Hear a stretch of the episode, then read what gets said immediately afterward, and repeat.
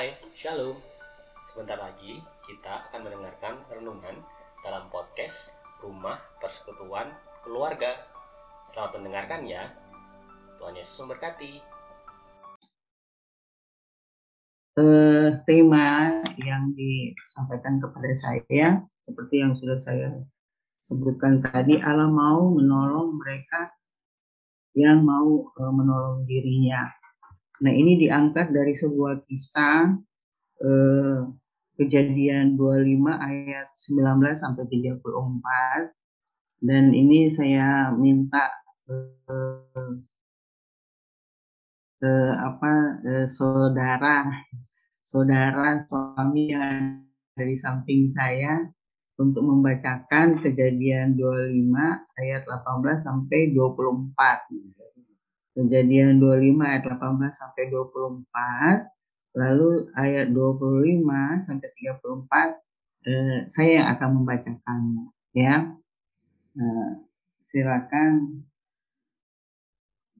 Demikianlah firman Tuhan dengan perikop Esau dan Yakub. Inilah riwayat keturunan Ishak anak Abraham. Abraham memperkana- memperanakkan Ishak dan Ishak berumur 40 tahun ketika Ribka anak Betuel orang Aram dari Padan Aram, saudara perempuan Laban orang Aram itu. Diambilnya menjadi istrinya. Berdoalah Ishak kepada Tuhan untuk istrinya sebab istrinya itu mandul. Tuhan mengabulkan doanya sehingga Ribka istrinya itu mengandung. Tetapi anak-anaknya bertolak-tolakan di dalam rahimnya dan ia berkata, jika demikian hanya mengapa aku hidup? Dan ia pergi meminta petunjuk kepada Tuhan. Firman Tuhan kepadanya, dua bangsa ada dalam kandunganmu, dan dua suku bangsa akan berpentar dari dalam rahimmu. Suku bangsa yang satu akan lebih kuat daripada yang lain.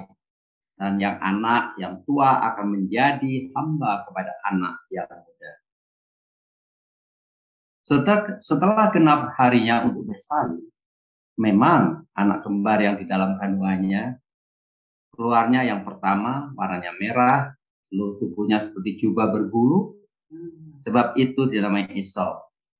Ya, saya lanjutin ayat 26. Sesudah itu keluarlah adiknya, tangannya memegang tumit Esau. Sebab itu ia dinamai Yakub.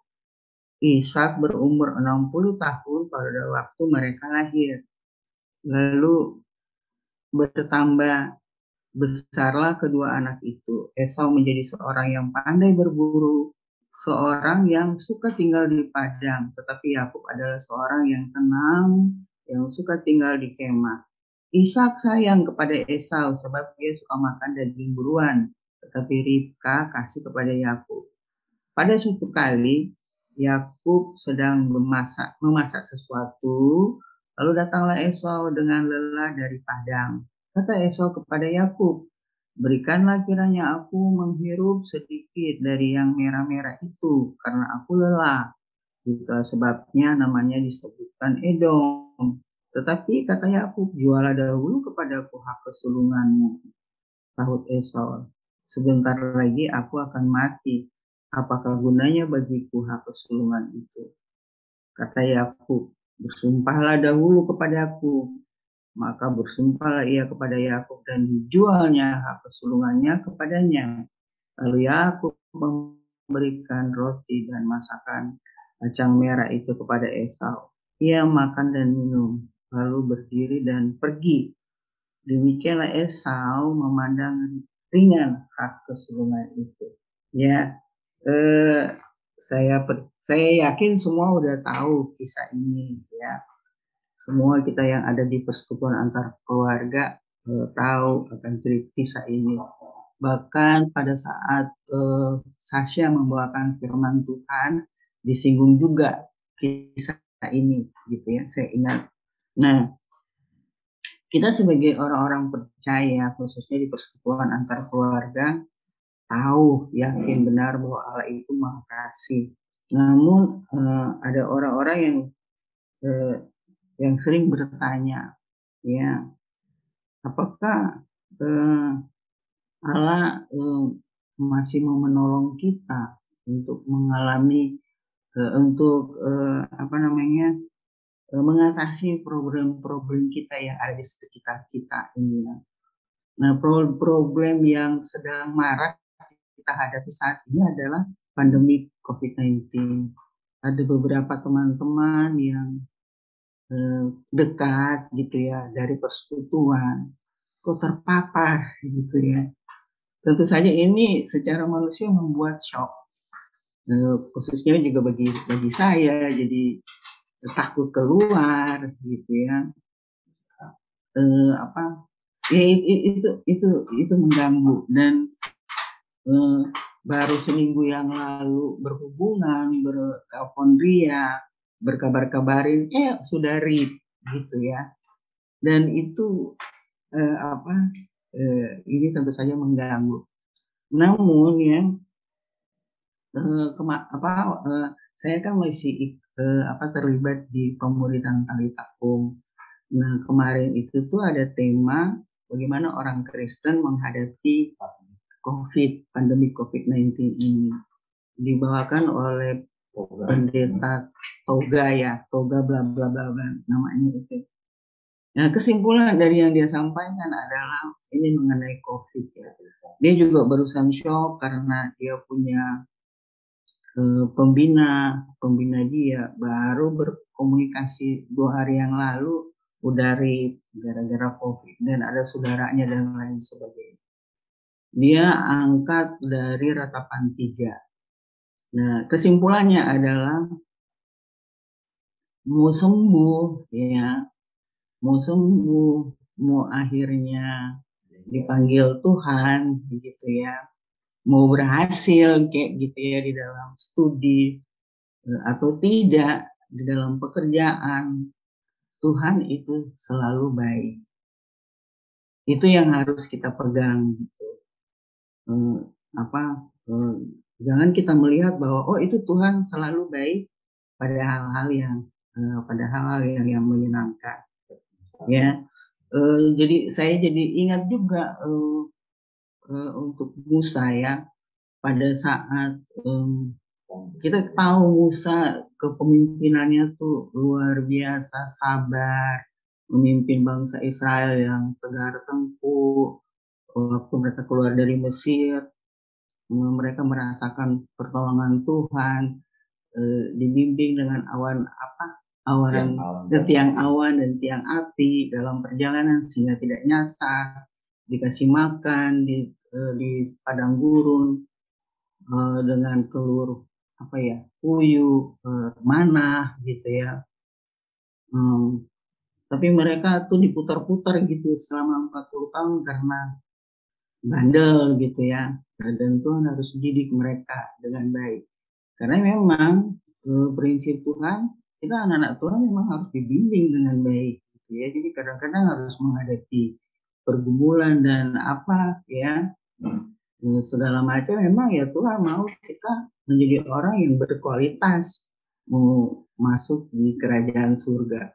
Masa orang yang gampang-gampangan mau masuk itu bukan bukan karakter Tuhan gitu ya hmm, itulah sebabnya dibimbing mereka sedemikian rupa tapi ya itu gelar tengku dan lain sebagainya. Nah, saya sendiri yang melihat Musa kalau mimpin orang yang seperti begitu apa nggak kesel gitu ya, jengkel gitu ya, sudah ditolong masih juga suka uh, apa mengeluh bahkan mengutuk Musa dan lain sebagainya. Nah itu kalau mengutuk Musa itu berarti udah mengutuk Tuhan. Tuhan marah banget gitu ya dan orang yang sudah melayani dia lalu di apa ya dihina-hina, difitnah, oh itu tuh Tuhan marah banget gitu ya. Sehingga pada suatu hari mereka sudah di perbatasan hmm, apa eh apa eh, padang pasir sama tanah perjanjian bangsa Israel itu ke mengeluh mengeluh gitu marah-marahin Musa karena nggak ada air gitu. Padahal sebelum-sebelumnya mereka bisa menyaksikan kebaikan Tuhan luar biasa gitu ya. Mengeluh, mengeluh, mengeluh, akhirnya Tuhan bilang supaya ini nih ada tongkat ya Musa kalau ada pergumulan begitu dia selalu lari kepada Tuhan dia nggak lari kepada siapa-siapa dia datang gitu kepada Tuhan. Seperti tadi ya Sasha eh, apa Gading gitu ya eh, Omnya gitu ya di tengah-tengah pergumulan datang kepada Tuhan. Eh, kayak si Rika juga agak ngomel-ngomel ya. Waduh saya lebih baik mati karena apa penderitaan dia mau melahirkan. Tapi akhirnya dia datang kepada Tuhan. Ya memang itu harusnya kita juga begitu. Ya ngomel-ngomel tapi kita datang kepada Tuhan. Jangan datang kepada sumber yang salah gitu ya. Lebih baik kita datang kepada Tuhan. Nah si Musa kita tahu ceritanya. Dan dia pasti udah, udah kesel. Saking keselnya Tuhan bilang cuma angkat aja tongkatnya berbicara lah kepada angkat tongkat berbicara kepada batu supaya mengeluarkan air. Itu di, dikasih tahu. Karena bangsa itu udah udah ngomel-ngomel nggak karuan tapi karena kesal Musa pukul akhirnya keluar air nah akibat daripada kesalahan itu Tuhan menghukum Musa dia nggak boleh masuk dalam tanah perjanjian. Dalam 40 tahun perjuangan. Kalau itu kejadian sama Tony gimana? Oh tapi tadi kesaksian Sasha pasti sabar ya. Mungkin nggak tahu deh Edwin gimana gitu kalau nggak boleh masuk tanah kanaan kesel marah kali gitu ya. Dan Musa eh, eh, apa udah pernah Nah mungkin ya kita pernah dengar si hamba Tuhan bilang dia memohon boleh nggak dia masuk ke tanah kanaan. Tapi Tuhan bilang cukup. Tuhan tidak izinkan dia masuk ke tanah perjanjian. Dia marah? Enggak. Dia dia menghargai, dia menerima keputusan Tuhan itu. Dan justru dia diba, dia katanya nggak ada kuburnya ya. Uh, dia dibawa dia dia dibawa ke satu tempat yang indah. Dia lepas daripada pergumulan Bahkan waktu Tuhan me, apa, menempatkan diri di gunung ya, disaksikan oleh murid-muridnya di samping Yesus dan itu ada Musa gitu ya. Iya.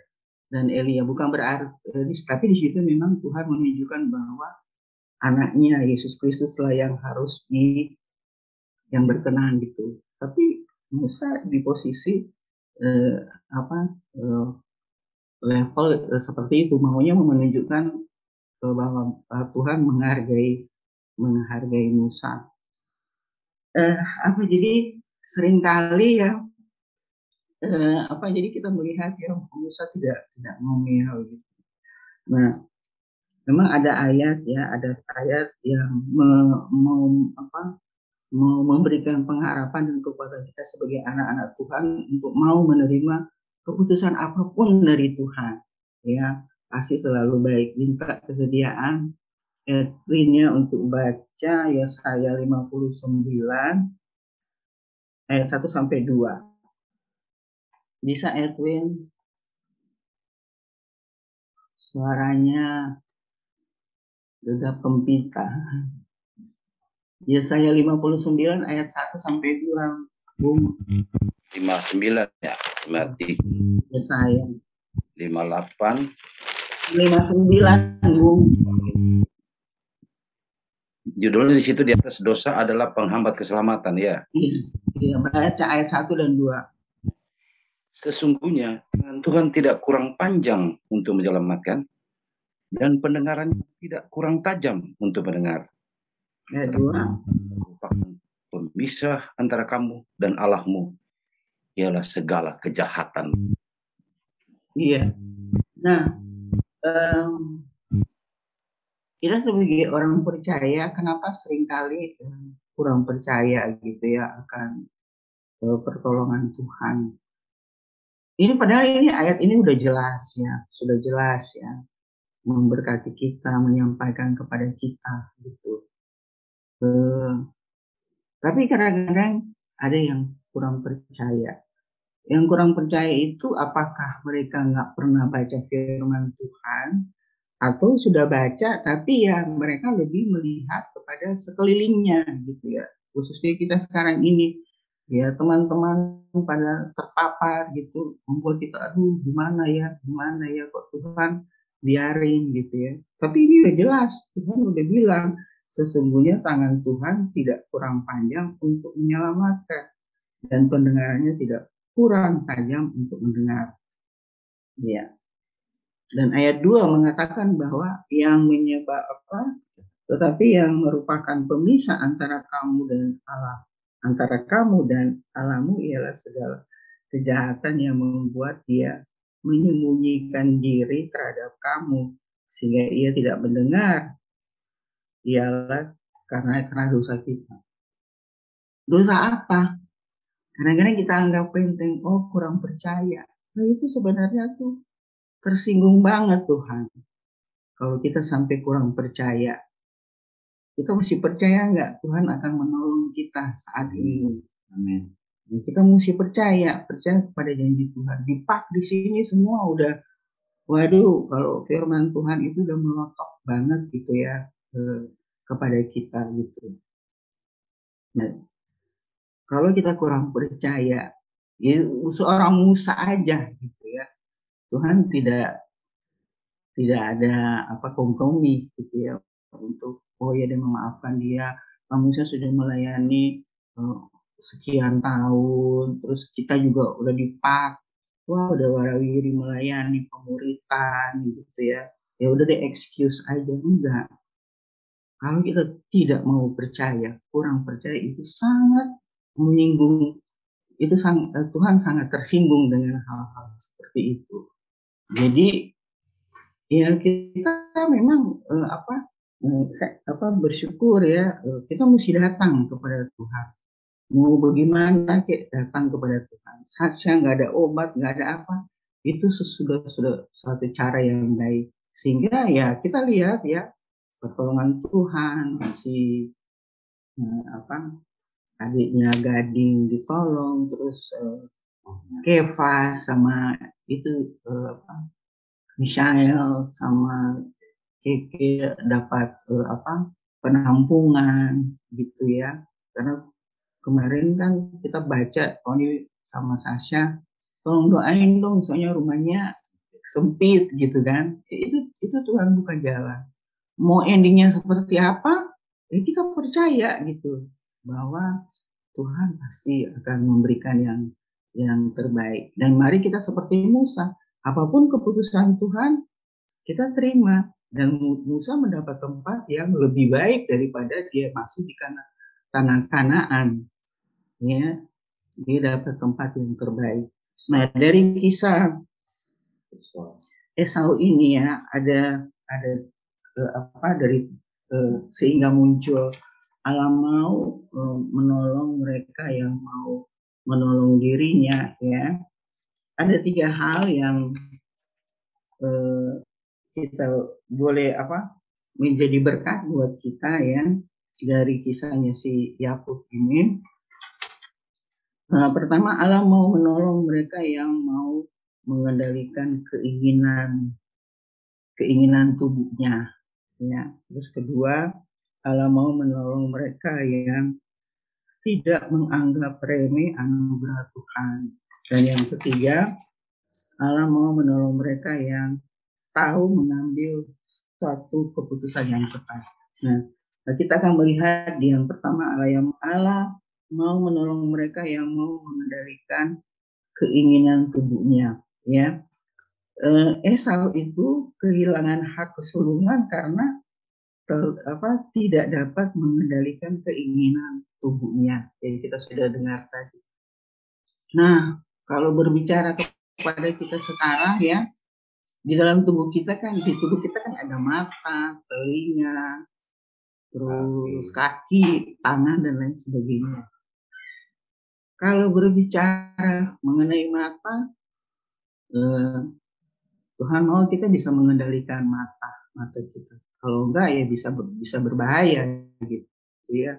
Melalui mata kita bisa eh, apa hmm, melihat mungkin apa film-film apa tuh ya namanya amoral gitu ya terus melalui mata kita bisa tergiur gitu ya untuk belanja yang yang sebenarnya eh, nggak uh, perlu-perlu banget gitu, nggak prioritas gitu ya. Atau apalah melalui mata gitu ya kita uh, banyak melakukan hal-hal yang tidak berkenan kepada Tuhan gitu ya, lihat sesuatu oh yang sebelah kok uh, kok yang ini kok uh, apa lebih baik ya. Oh iya saya mau juga seperti dia. Akhirnya melakukan segala cara yang yang yang yang nggak benar. Nah banyak hal yang dilakukan oleh mata membuat kita jatuh dalam dosa. Dan ini celaka banget gitu ya. Buat keluarga buat pribadi gitu ya. Um, uh, apa apa namanya? Um, tapi saya percaya sih kita di persekutuan antar keluarga udah nggak lagi nih mengalami hal-hal yang seperti ini gitu ya. Karena apa?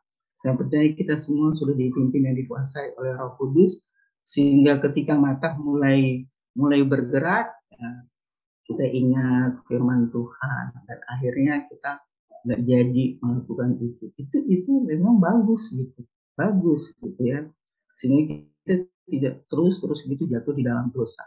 Nah kalau udah terus terus jatuh dalam dosa waduh parah. Nggak ada damai sejahtera lah cepat marah lah dan lain sebagainya. Menyalahkan satu dengan yang lain.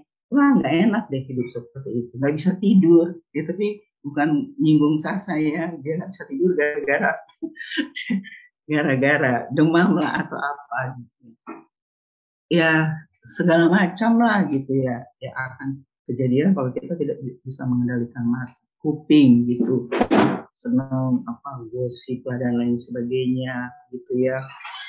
Eh, tangan dan apalah segala yang mencuri korupsi. Kaki harusnya ke tempat-tempat untuk mengabarkan Injil malah pergi ke tempat-tempat yang eh, tidak berkenan kepada Tuhan. Itu semua membuat membuat mata eh, eh, membuat eh, ke, ke, e, malapetaka gitu. Dan itu ciri-ciri orang yang nggak mau percaya kepada Tuhan. Ya, mau cari yang gampang aja gitu ya, mau cari yang gampang gitu ya. Padahal itu cuma sementara gitu ya. Kalau mau coba silakan, tapi ini bukan anjuran gitu ya. Saya nggak nggak anjurkan gitu ya, karena nggak enak banget gitu, nggak enak banget. Nah terus kemudian Eh, orang-orang yang apa ya uh, waktu itu kita singgung-singgung soal no, zaman nu dimusnahkan dengan air bah hanya karena keinginan daging yang menguasai mereka. Pasti yang masalah mata uh, kuping mulut dan semua itu mereka udah menguasai melakukan itu dengan nafsu. Sehingga Tuhan akhirnya uh, menghukum mereka membinasakan mereka dan cuman apa eh, Nuh dan keluarganya tujuh orang itu yang diselamatkan. Kemudian eh, Roh Kudus akan memampukan kita menguasai diri kita. Galatia 5 ayat 22 sampai 23. Wow. Eh, itu apa ya Sasya ya? Sasya hafal nggak yang itu? Yang rumusnya eh, dokter kita. Kasudase. Kasih sukacita. Kasudase. Tanya ahlinya. Oh iya, coba. Coba Agung deh, Agung baca itu Galatia 5 ayat 22 sampai 23. Kasudase kalau lempar-lempar. itu rumus dari dokter kita gitu. Saya lupa loh. Gak pakai kelelep Mas Ari. Galatia 5 ayat berapa? 22 sampai 23. Kasih sudah kita. Galatia 5 ayat 22 sampai 23. Buaro. Tapi tetapi buaro ialah kasih sukacita, damai sejahtera, kesabaran, kemurahan, kebaikan, kesetiaan, kelemah lembutan, penguasaan diri, tidak ada hukum yang menentang hal-hal itu. Iya. Nah rumusnya eh, dokter Dohar itu apa ya supaya kita gampang hafal kasu pak apalagi itu kasu, kasu dasar sudah sekelompong apa segala macam. Kesem. Dan kita udah nggak hafal udah nggak hafal gitu. nah buah ini bisa menjadi kenyataan di dalam hidup kita. Memang prosesnya nggak langsung jadi gitu ya. Tapi berproses ya.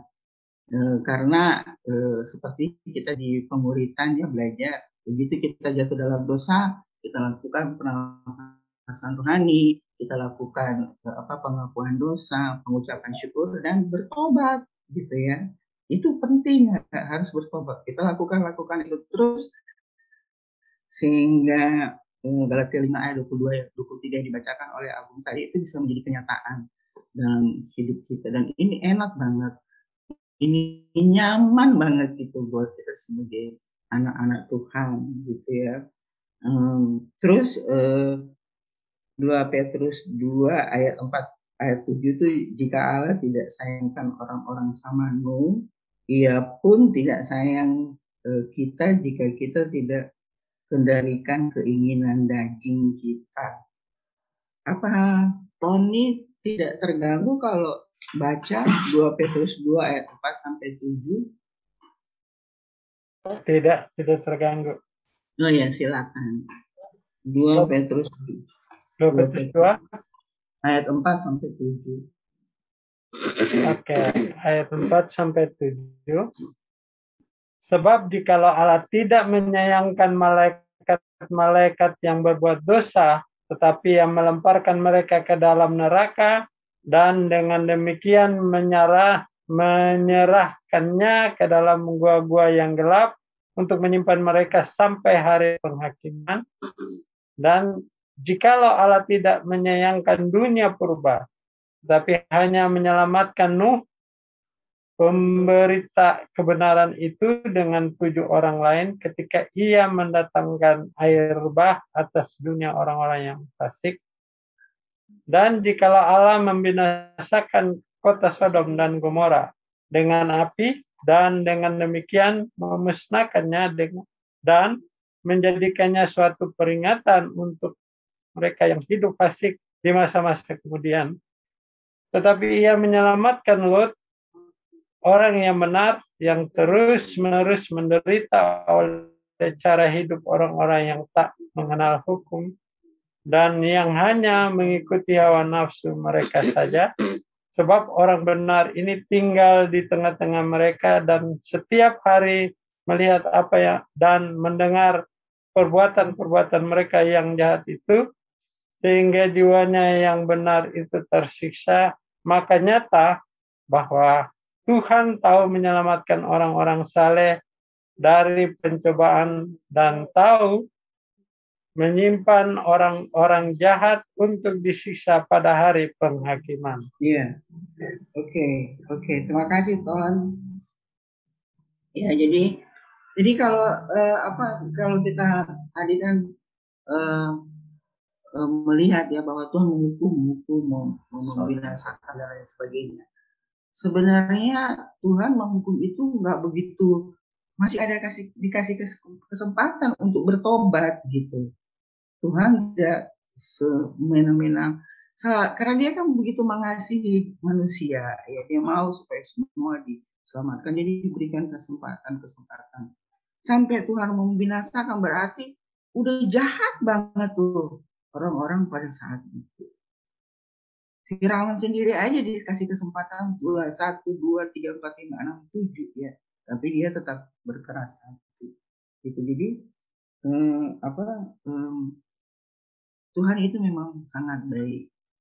Ya, orang jahat pun dia kasih kesempatan untuk uh, untuk bertobat. Jadi nggak langsung nggak langsung dibinasakan ya. Ya, jadi um, uh, itu ya Allah mau menolong mereka yang mau mengendalikan keinginan tubuhnya. Jadi uh, mari kita uh, apa serius gitu ya bahwa kalau selama selama ini ya ya mungkin nggak sampai mencuri apa terus berselingkuh dan lain sebagainya. Mungkin yang kecil-kecil mata kuping itu eh, itu menyakiti hati Tuhan loh.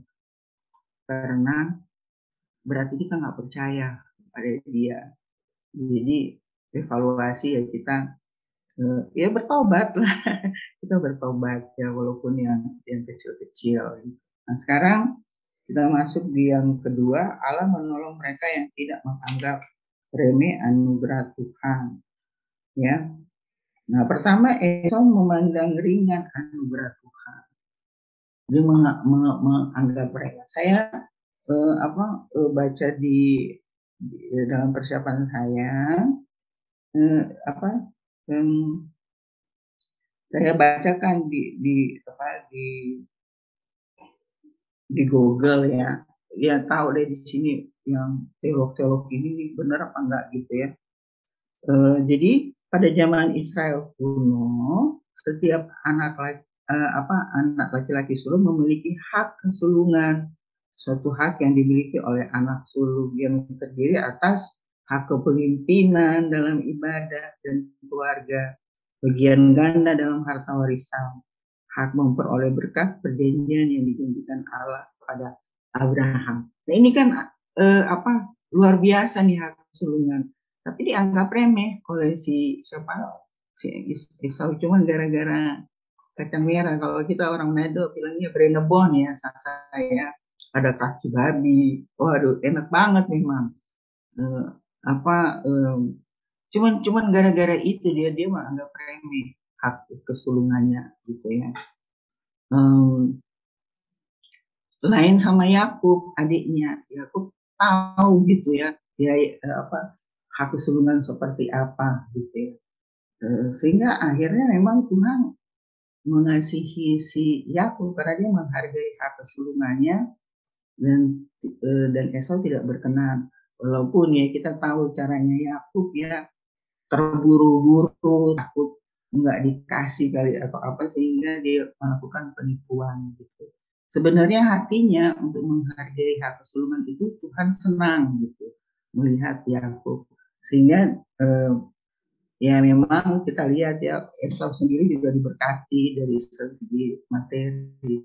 Tapi Yakub dipilih sehingga dari Yakub kan lahir 12 suku. Dan dari Yakub itu turunannya kepada Yesus Kristus ya juru selamat gitu. Itu luar biasa anugerah itu gitu ya. Um, bagi kita orang percaya yang memahami akan uh, apa uh, anugerah dalam Kristus itu tuh waktu kita menghargai itu luar biasa gitu, gitu. karena kalau kita nggak menghargai wah udah.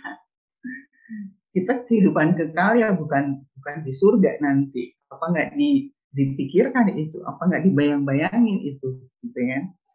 Nah jadi eh, kemudian eh, banyak orang menganggap hal-hal yang mana lebih penting dari hal-hal yang kekal. Itu di dalam Matius eh, apa? Eh, Markus 8 ayat 36 ya Coba uh, Etin lagi baca Markus 8 ayat 6.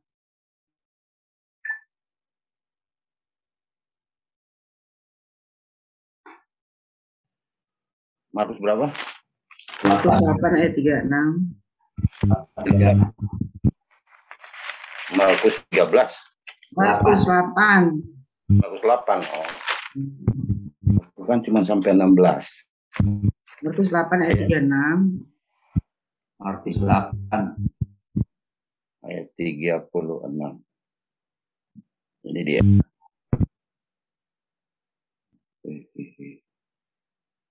Tiga. Apa gunanya? Apa gunanya seorang memperoleh seluruh dunia, tetapi ya kehilangan nyawanya? Ya, ya, ya cukup. Ya.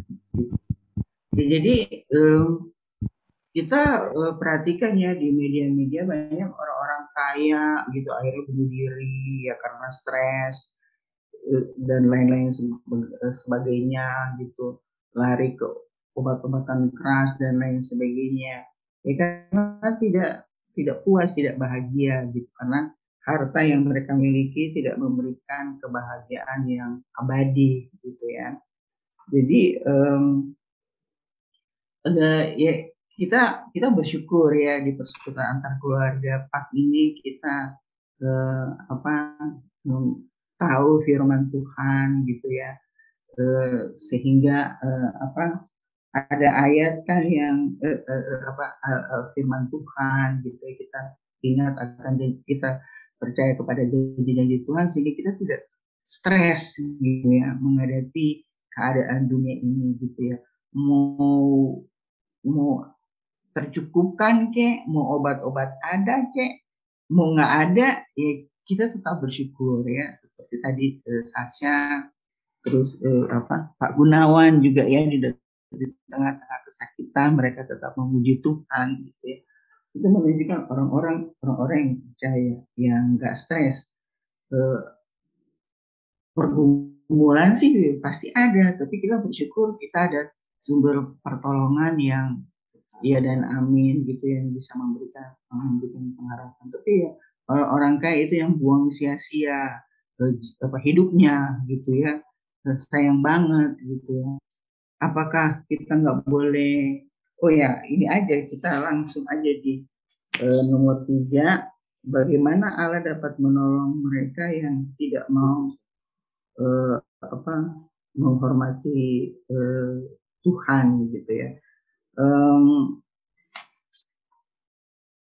uh, seperti yang sudah disinggung-singgung tadi, kita kalau tidak mau menghormati Tuhan berarti kita tidak mau percaya, percaya kepada Dia, gitu ya.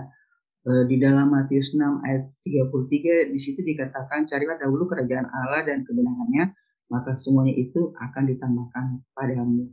Banyak kita, yang mungkin kita juga orang-orang percaya, ya kita hanya mau cari kerajaan surga, yang enak. Tapi eh, dan kebenarannya hidup dalam firman Tuhan dalam kebenaran firman Tuhan kita nggak mau karena ah itu tidak sesuai dengan keinginan kita.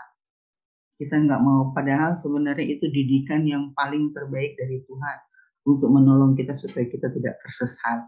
Ya, Tuhan mau kita masuk ke surga dengan berkualitas, dengan eh, apa eh, apa eh, dengan kehidupan yang yang berkualitas dengan dia apa tuh bilang en kalau sampai di sana sahabat sahabat apa apa? Setelah. Gitu. Hah? setelah. Sa apa sabas hai hambaku ya apa itu, itu istilahnya. Eh, artinya dia welcome. Oh, you are very welcome gitu ya karena kita udah di dunia ini kita udah sabar udah tabah kita udah mengabarkan Injil wah ditampar kiki kiki pipi kiri kita kasih pipi kanan. Ya pokoknya sampai dia bilang oh tidak ya very welcome gitu ya. Saya ya very welcome. Semua kita dipakai ya very welcome ya. Karena kita nggak cuma mencari kerajaan surga tanpa um, menjaga uh, apa uh, uh, ke, apa penyelamatan kita keselamatan yang diberikan oleh Tuhan tapi uh, Tuhan mau juga supaya kita ya intinya adalah mengabarkan Injil diikuti dengan kesaksian hidup yang yang memuliakan nama Tuhan. Nah di, di nomor dua yang terakhir tidak ada lagi pertolongan bagi mereka yang, yang menganggap uh, uh, apa murah pengorbanan Kristus. Ibrani 10 ayat 29. Um, Bung Edwin baca lagi deh Ibrani 10 ayat 29 supaya Diko kaya akan firman Tuhan. Kan sekarang Diko lagi rajin menginjil. Hmm. Ibrani 10 ayat 29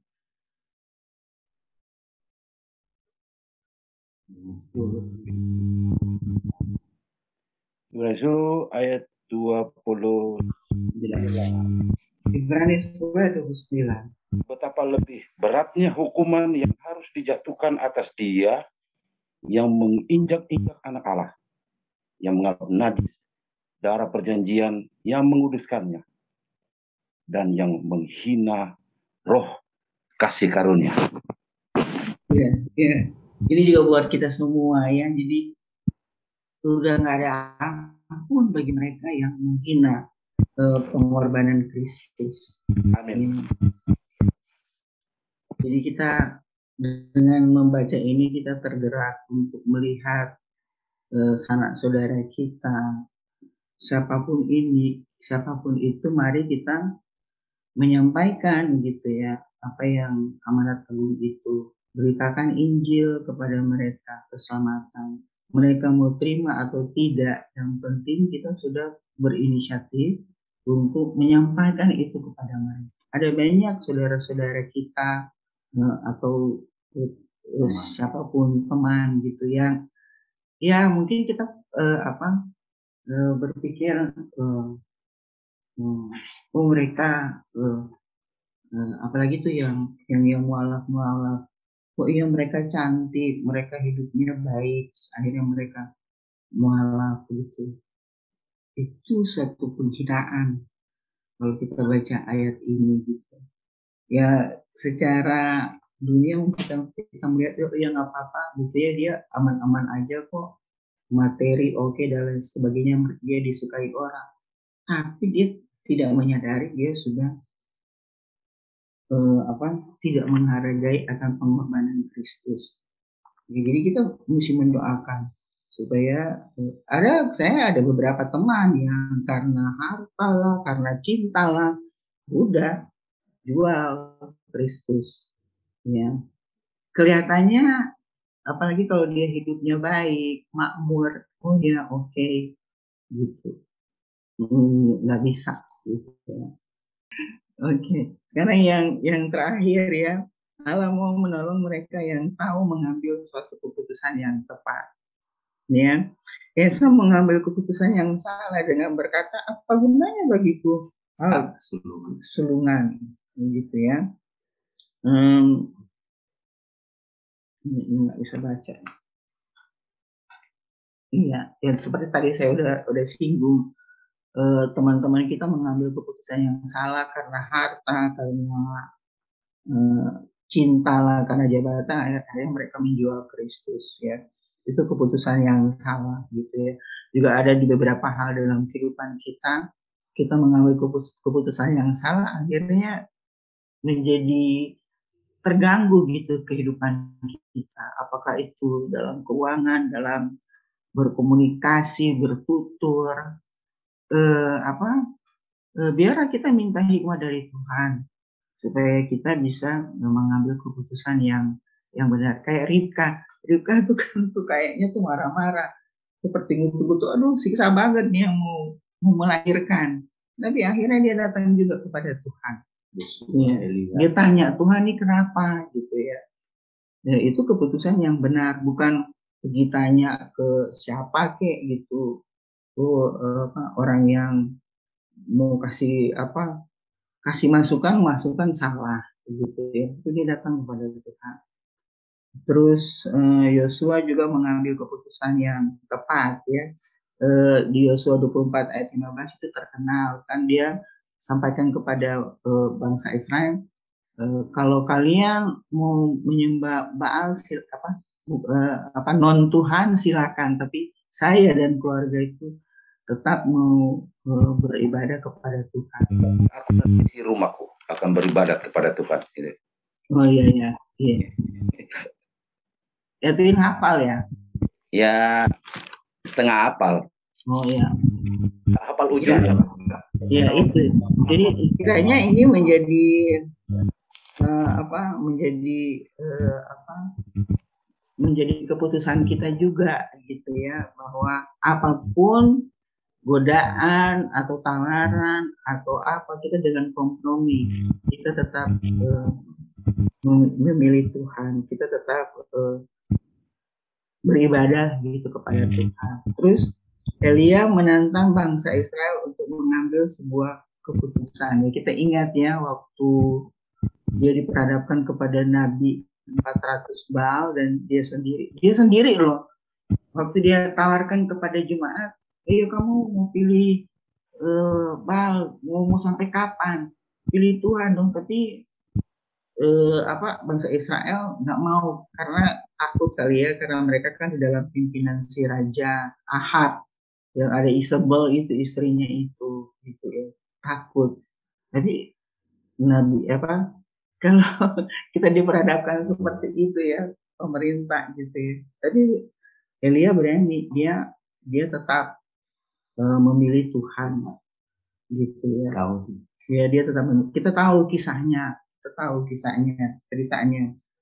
Uh, akhirnya dia uh, bisa membunuh 400 bal itu ya atau nabi bal itu ya karena Tuhan membela dia di depan bangsa Israel dan dari peristiwa itu bangsa Israel akhirnya kembali percaya kepada Tuhan. Jadi semua tindakan kita, semua langkah-langkah kita adalah untuk menyembah Tuhan, membawa orang-orang kita kembali gitu kepada Tuhan.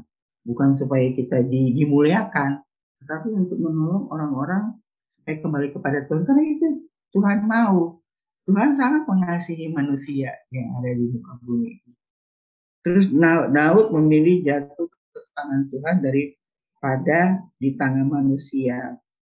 Itu ada di dalam satu Tawari 21 ayat 13, tapi kita nggak usah baca. Cuman saya mau ingatkan aja bahwa Daud di dalam kehidupannya mulai dari dia ke, sebagai eh, apa gembala menjaga domba-domba eh, sampai dia jadi raja banyak tantangan, banyak godaan, ya bahkan dia sempat kompromi gitu ya.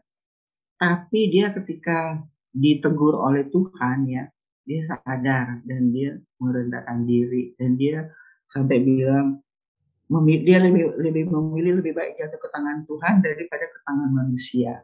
Dia akhirnya memilih begitu uh, si apa uh, si Daud itu makanya ada sebuah buku yang menulis ya waktu itu saya di PLPR kedua ya N ya.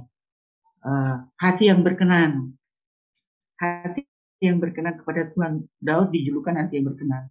Apa sih dosanya yang nggak dia lakukan? Dia pernah melakukan dosa uh, apa dengan Betseba pembunuh apa ber, berencana gitu kan.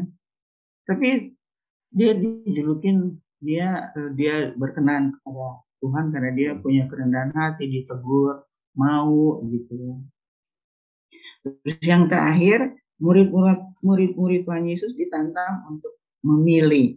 Nah ini, Evelyn lagi baca Lukas 9 ayat 59 sampai 62. Apa?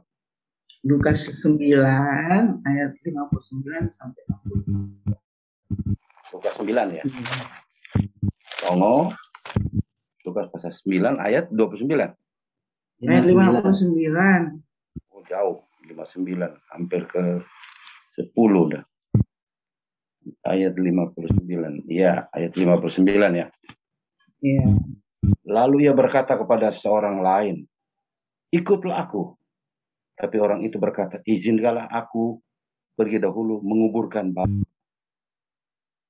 Ayat 60 juga? Iya, sampai 62. Tetapi Yesus berkata kepadanya, biarlah orang mati menguburkan orang mati.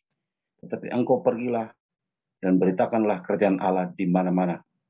Dan seorang lain ber, berkata, aku akan mengikut engkau Tuhan, tapi izinkan aku pamitan dulu dengan keluargaku. Tapi Yesus berkata, setiap orang yang siap untuk membajak, tapi menoleh ke belakang, tidak layak untuk kerajaan Allah. Iya keras banget ya ini apa dari Tuhan. Intinya sih memang eh, di atas segalanya kita prioritaskan Tuhan ya. Eh, saya pernah baca kisah seorang hamba Tuhan ya. Dia harus memimpin KKR, tapi dia diperhadapkan dengan anaknya lagi sakit parah gitu. Sementara dia harus eh, menyampaikan firman Tuhan di KKR ya mungkin ini nanti diskusi nanti ya gitu ya. Kira-kira ini gimana?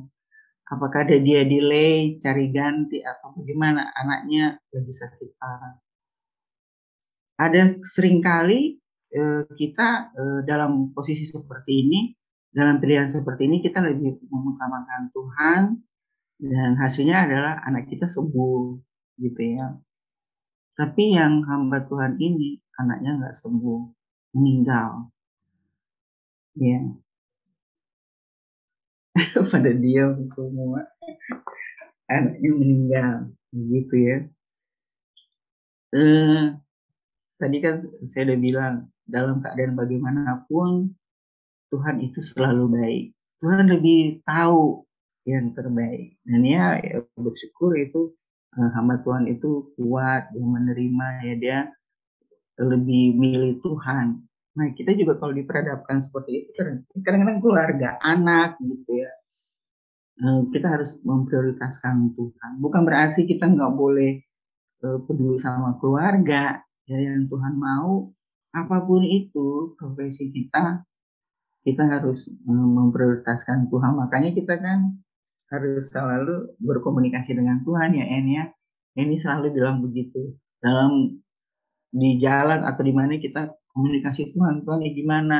Saya harus mengambil keputusannya gimana? Ada kalanya ya Tuhan bilang ya oke okay, uh, family first gitu. Saya saya asalkan itu dari Tuhan gitu jangan kita mutusin sendiri gitu ya. Um, ya apa uh, apa uh, apa murid-murid Tuhan dikasih pilihan seperti itu. Nah kita adalah murid-murid Tuhan di Pak. Ya saya percaya kita nih udah udah murid-murid Tuhan bukan lagi anak yang baru lahir dalam Tuhan. Jadi kita semakin eh, apa ya progres gitu ya teman kita ketika kita harus memilih eh, keluarga jabatan karir atau apa gitu ya. Tuhan bilang tinggalin ikutlah saya gitu. Gimana? Eh, berat ya untuk hal ini tapi bersama Tuhan eh, kalau ya, ya seperti Musa. Musa akhirnya ya terima apa yang menjadi keputusan Tuhan. Ya dia tidak ngomel. Ya saya sangat merindukan eh, apa eh, kedekatan saya dengan Tuhan seperti itu tapi saya masih dalam proses masih terus diproses biar Tuhan tolong saya eh, dan Mas Ari supaya dalam mengambil keputusan eh, selalu Tuhan yang di, diprioritaskan. Demikian eh, firman Tuhan pada malam hari ini kiranya menjadi berkat. ada beberapa hal ya seperti uh, memprioritaskan Tuhan atau tidak ini satu diskusi PR lagi nih buat uh, Tony ya. Makanya cepat sembuh ya untuk kita masuk dalam pembinaan ini. Ini seru nih ini gini. Uh, untuk uh, kita harus memprioritaskan Tuhan harus meninggalkan yang lain. Ya Tony ya next. Baik uh, ya. Itu ini nanti atur jadwalnya entah kapan gitu betul ya kita akan Hmm. Jadi saya ingatin aja ya bahwa dari sini kita belajar ya pertama Allah mau menolong mereka yang mau mengendalikan keinginan tubuhnya. Yang kedua Allah menolong mereka yang tidak menganggap remeh anugerah Tuhan. Yang terakhir Allah mau menolong mereka yang tahu mengambil satu keputusan yang tepat. Itu yang kita bisa belajar pada hari ini. Malam hari ini mari kita satu dalam doa.